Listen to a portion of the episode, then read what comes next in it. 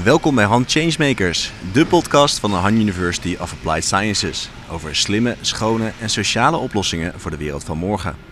In deze aflevering duiken we in de wereld van duurzaam vervoer. Om preciezer te zijn, het vervoer van spullen. I'm full of optimism about the future innovations, partly because we have more innovators than ever before.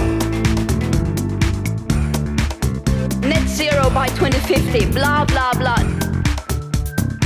As we mark the International Day for the Eradication of Poverty, we face a harsh truth.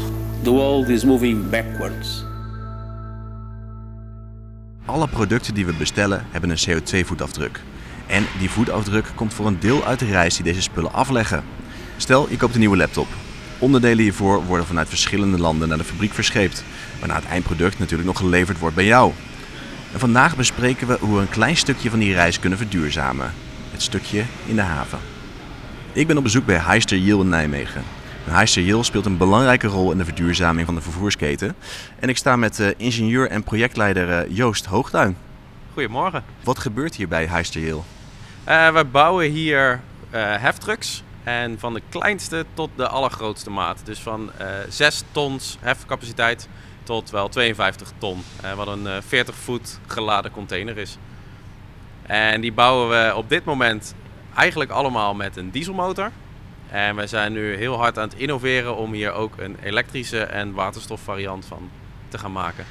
Ja, en volgens mij kunnen we daar al een stukje van zien. Want we staan hier eh, nou ja, bij in een eh, fabriekshal, assemblagehal. Ik weet niet precies hoe ik het moet noemen. Maar ik kijk in ieder geval uit op ja, een, een enorm eh, gele metalen frame. Eigenlijk twee zelfs. En daarin is allerlei apparatuur ingebouwd. Waar, waar kijken we precies naar? Eh, ja, we kijken hier naar een, eh, eh, ja, een, een los frame, een frame module hebben we het genoemd. En daar zitten twee verbrandingscellen, waterstofmotoren in. Plus alle losse delen die je nodig hebt om een fuelcel te hebben draaien. Ja, en dit wordt dus een grote reach stacker die dan straks gebruikt wordt om containers te gaan stapelen in, een- in, een- in een haven ergens. Waar, waar wordt dit straks precies toegepast? Eh, deze reach stackers worden, de, de eerste rijdt al in Valencia, in de haven. En eh, de volgende gaat waarschijnlijk, blijft die in Nederland. En gaan we een hele hoop mee testen. En gaat daarna ook naar de eerste klant. Hey, en jullie werken hier niet alleen aan. Jullie krijgen een beetje hulp eh, van buitenaf. Namelijk van eh eh handstudenten. Kunnen we daar zo ook even mee gaan, gaan praten? Ja, zeker. Ik heb ze er net bij geroepen, dus ze zullen hier zo aanschuiven.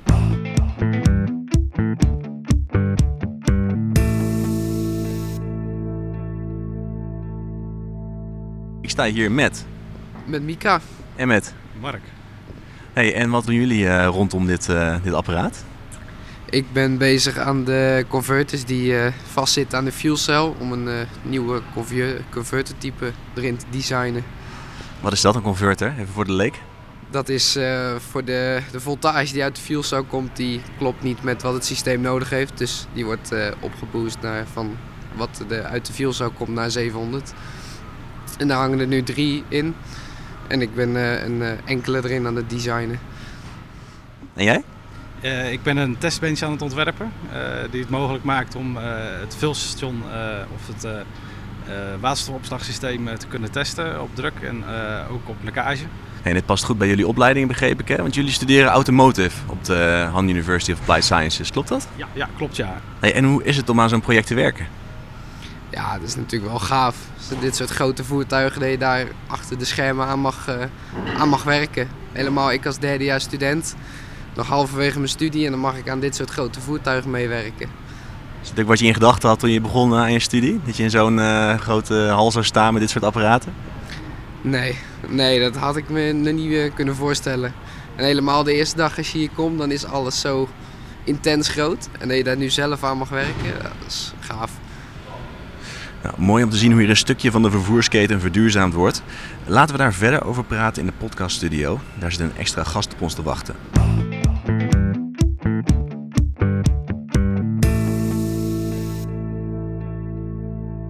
We zijn inmiddels aangeschoven in de podcaststudio. En in de studio hebben wij eh, Bram Veenhuizen. En Bram is Lector Automotive Research bij de Han University of Applied Sciences. Welkom Bram. Dankjewel. We gaan het hebben over de verduurzaming van vervoer en specifiek het vervoer van spullen. Er zit natuurlijk vrij veel CO2-uitstoot en uitstoot van andere soorten broeikasgassen in die hele uh, vervoersketen. Stel, ik koop een pakketje ergens. Hoe vervuilend is dan uh, die reis van uh, fabriek naar mijn, naar mijn huis? Hebben jullie daar een idee van? Dat is behoorlijk vervuilend. wereldwijd um, is mobiliteit in het algemeen, dus als vervoer en personentransport, verantwoordelijk voor 25% van de CO2-uitstoot. Dus dat is een zeer aanzienlijke bijdrage. En het blijkt in de praktijk ook best heel lastig om dat te vergroenen. Wat is eigenlijk het laatste pakketje wat jullie hebben besteld? Sinterklaas cadeautje. Sinterklaas cadeautje. En jij, Joost? Ik, uh, een, uh, ik ben het klussen thuis, een statief voor de laseruitlijner. Ja. En dat was ook gelijk een slecht voorbeeld, want die was langwerpig en dun. en die zat dwars in een doos. oh ja.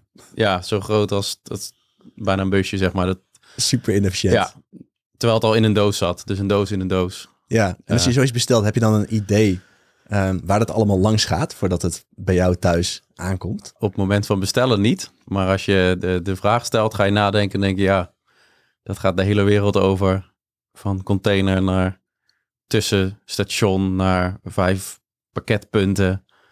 Uh, je ziet het soms in de track and trace. Hmm. Dat ik me verbaas hoe een pakketje uit Amsterdam via Groningen, via whatever, waar blijkbaar een route volgt. Ja, en dat is dan nog alleen Nederland. En dat is alleen Nederland. En dan, dan is het dus al hier gekomen op, op een logistieke manier. Dus dit is... Ja, uh, ja. want jij zit ook een beetje in die internationale business natuurlijk. Uh, want welke, welke vervoersmiddelen of apparaten schieten bij jou dan te binnen als je nadenkt aan de reis van dat van nou ja, als je, als je, het, is, het is een beetje uh, voor ons altijd in, in de, de hef, bij ons, in ieder geval bij de heftrucks, is het een, van klein naar groot. Vaak wordt het in een productie met een klein heftruckje op pallets verplaatst. Die pallets worden in een container gezet. Die container wordt op een gegeven moment door een reachstacker uh, opgepakt en op een schip gezet. Dan zijn wij er even niet bij betrokken. Dan komt hij in Europa aan of in een haven. Daar komt hij weer op een reachstacker die de container pakt. Ja, we hebben nu een paar keer over de reachstacker gehad. Even om de luisteraar een iets beter beeld te geven van dat apparaat. Dat is dus een grote machine die in havens wordt ingezet. En dat is een soort kraan op wielen die met een grote arm containers pakt, kan verplaatsen en op elkaar kan stapelen. En uiteindelijk wordt de container weer geleegd met heftruckjes tot en met kleine stapelaartjes en, en kleine, uh, kleinere machines. Dus het is echt, uh, hmm. in, heel veel vlakken zijn we betrokken. Uh, en in heel veel vlakken wordt brandstof verbruikt. Wat zijn nou de, de belangrijkste redenen waarom die keten nog niet verduurzaamd is? Ik, ik denk de, uh, voor in ieder geval qua de voertuigen bij ons is het echt de infrastructuur op alle vlakken. Uh, en de acceptatie van de klant. Maar voornamelijk de infrastructuur. Het, het klaar hebben van de waterstoftankstations, de brandstof, uh, de, de, de laadstations en de hele late infrastructuur. En daarbij is waterstof nog een relatief uh, simpele om, om grote hoeveelheden te kunnen tanken.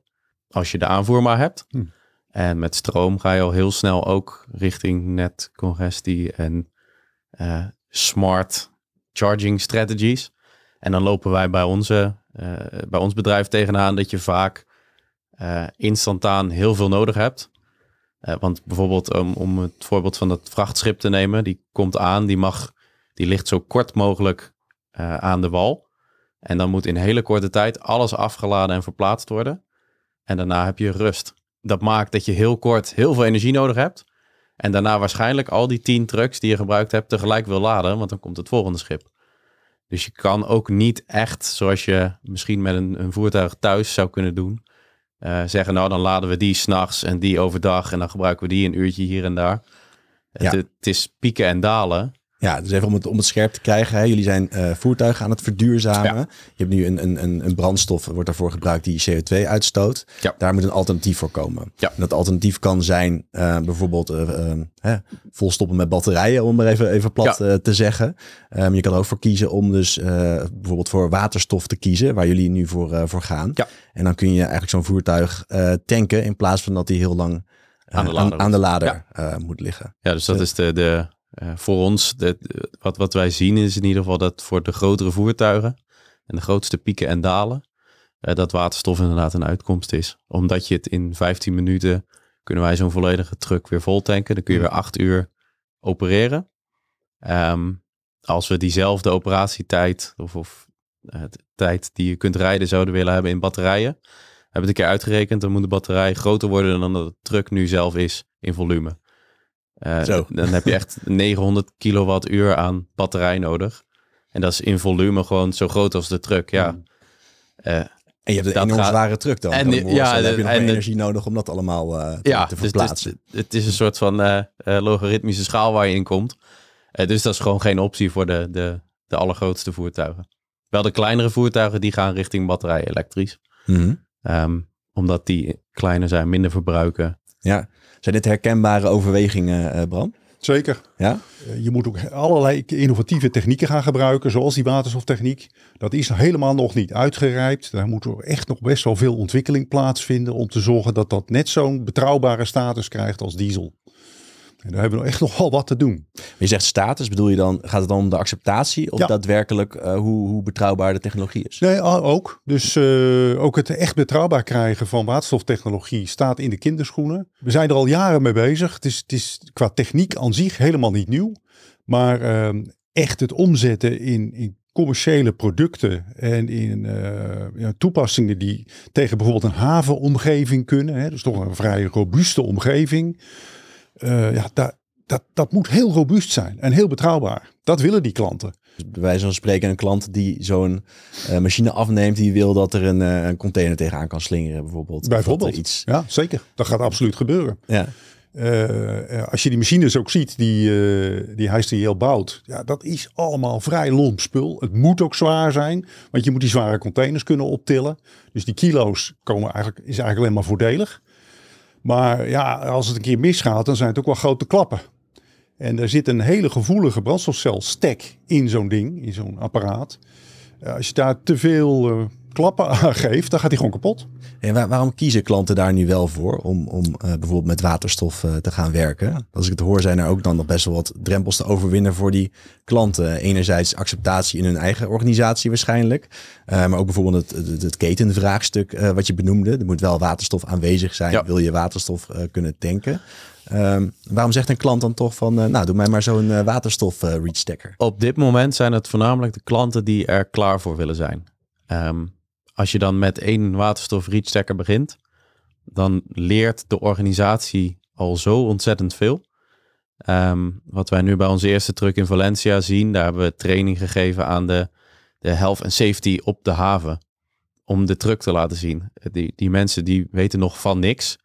Maar die worden nu getriggerd om ook mee te denken. Ehm, de, de, de servicemensen, die zijn gewend om het oude vertrouwde dieseltje uit elkaar te sleutelen. Die gaan nu kritische vragen stellen over hoe zit dit? Eh, hoe kan ik hiermee werken? Heb ik speciale gereedschappen nodig? Heb ik, eh, eh, er zit een high voltage batterij in de, in de trucks. Dus ze moeten bepaalde persoonlijke protectie, PPE hebben. Ehm, dat wordt nu door de aanschaf van die eerste truck. het zijn vaak organisaties die zich voor willen bereiden op de toekomst. En ze leren daar ook weer van. Zij leren ontzettend veel van die eerste truck. Wij leren er ontzettend veel van. Wij vergaren data. En eh, het, het zijn vaak partnerships die je doet. Eh, want je, je wil alle twee leren en uiteindelijk wil iedereen wil die transitie. Ehm, en het, de klanten die er nu voor kiezen zijn de voorlopers. Welke, welke rol speelt de Han daarin en eh, haar onderzoek? Wat wij, eh, wat wij doen is eigenlijk het MKB helpen met eh, de transitie van, ik zal maar zeggen, de ouderwetse dieseloplossingen naar waterstofoplossingen. Eh, dat noemen wij decentrale waterstof. Dus centrale waterstof is dat hele grote gebeuren met gigawatt electrolyzers en ehm, enorme eh, investeringen. Wij kijken naar eh, de kleinere toepassingen tot een paar honderd kilowatt of zo, of misschien een megawatt. Focussen ons dan vooral op het regionale bedrijfsleven, waar Heijsterjeelde natuurlijk één van is. Maar er zijn er veel meer van in onze regio. Eh, de Arnhem-regio huisvest veel waterstofbedrijven. En eh, dat is een, eh, ja, een hele leuke omgeving om dat onderzoek mee te doen. Omdat we natuurlijk ook zorgen dat onze studenten na hun afstuderen bij al die bedrijven aan het werk kunnen en meteen goed opgeleid zijn. Dus dat is denk ik een van de belangrijkste rollen die we spelen. Dat onderwijs proberen we zo, ja, zo spannend mogelijk te maken door het heel dicht bij die bedrijven te brengen. Met andere woorden, studenten zetten we het liefst bij het bedrijf. Ga daar maar je stage doen. Ga daar maar met een clubje studenten een project doen. Kennis opbouwen op de werkvloer van dat bedrijf. En als je mazzel hebt, je doet het hartstikke goed, dan krijg je meteen een job aangeboden bij dat bedrijf. En dat hebben we natuurlijk al in het verleden al heel vaak gezien. Er is heel veel vraag naar dat soort mensen die dat, die dat goed kunnen, die die kennis hebben opgebouwd. Betekent ook natuurlijk dat we zelf die kennis moeten opbouwen. Want voor een hogeschool is die kennis eigenlijk net zo nieuw als voor die bedrijven waarmee we dat doen. Dus het is ook eigenlijk een soort symbiose tussen bedrijf en de hogeschool. Samenwerking waarbij we elkaar de bal toespelen. En voortdurend in overleg zijn. Hoe kunnen we nog effectiever die kennis opbouwen. En zorgen dat we de goede studenten afleveren. Maar ook eh, ons kennisniveau in het onderwijs op niveau houden. Ja, je hebt een flinke schaal met, uh, met uitdagingen rondom die verduurzaming. Uh, we hebben het gehad over acceptatie, we hebben het gehad over die uh, waterstofketen die compleet moeten worden. De mensen ervoor opleiden is nog eentje die, die erbij komt. Wanneer kan ik met een gerust en duurzaam hart mijn, mijn pakketjes gaan, gaan bestellen? Ja, goede vraag. ik denk dat dat nog wel even duurt. het belangrijkste wat jij moet doen is geen pakketjes meer bestellen. dat helpt verreweg het meest. Uh, en dat, uh, dat zul je in de toekomst veel vaker gaan horen, ben ik bang. Dus we moeten daar uh, veel slimmer mee omgaan. de druk daarop gaat ook toenemen. En um, dus het efficiënter bezorgen van pakketjes, dat, dat, hè, dus ook de logistiek daaromheen. Überhaupt logistiek wordt een ongelooflijk belangrijk punt. ook jullie business is eigenlijk alleen maar logistiek. hoe kun je dat veel slimmer doen, veel efficiënter? Uh, ja, dat, uh, daar hebben we heel veel werk te doen. Gaat nog jaren duren.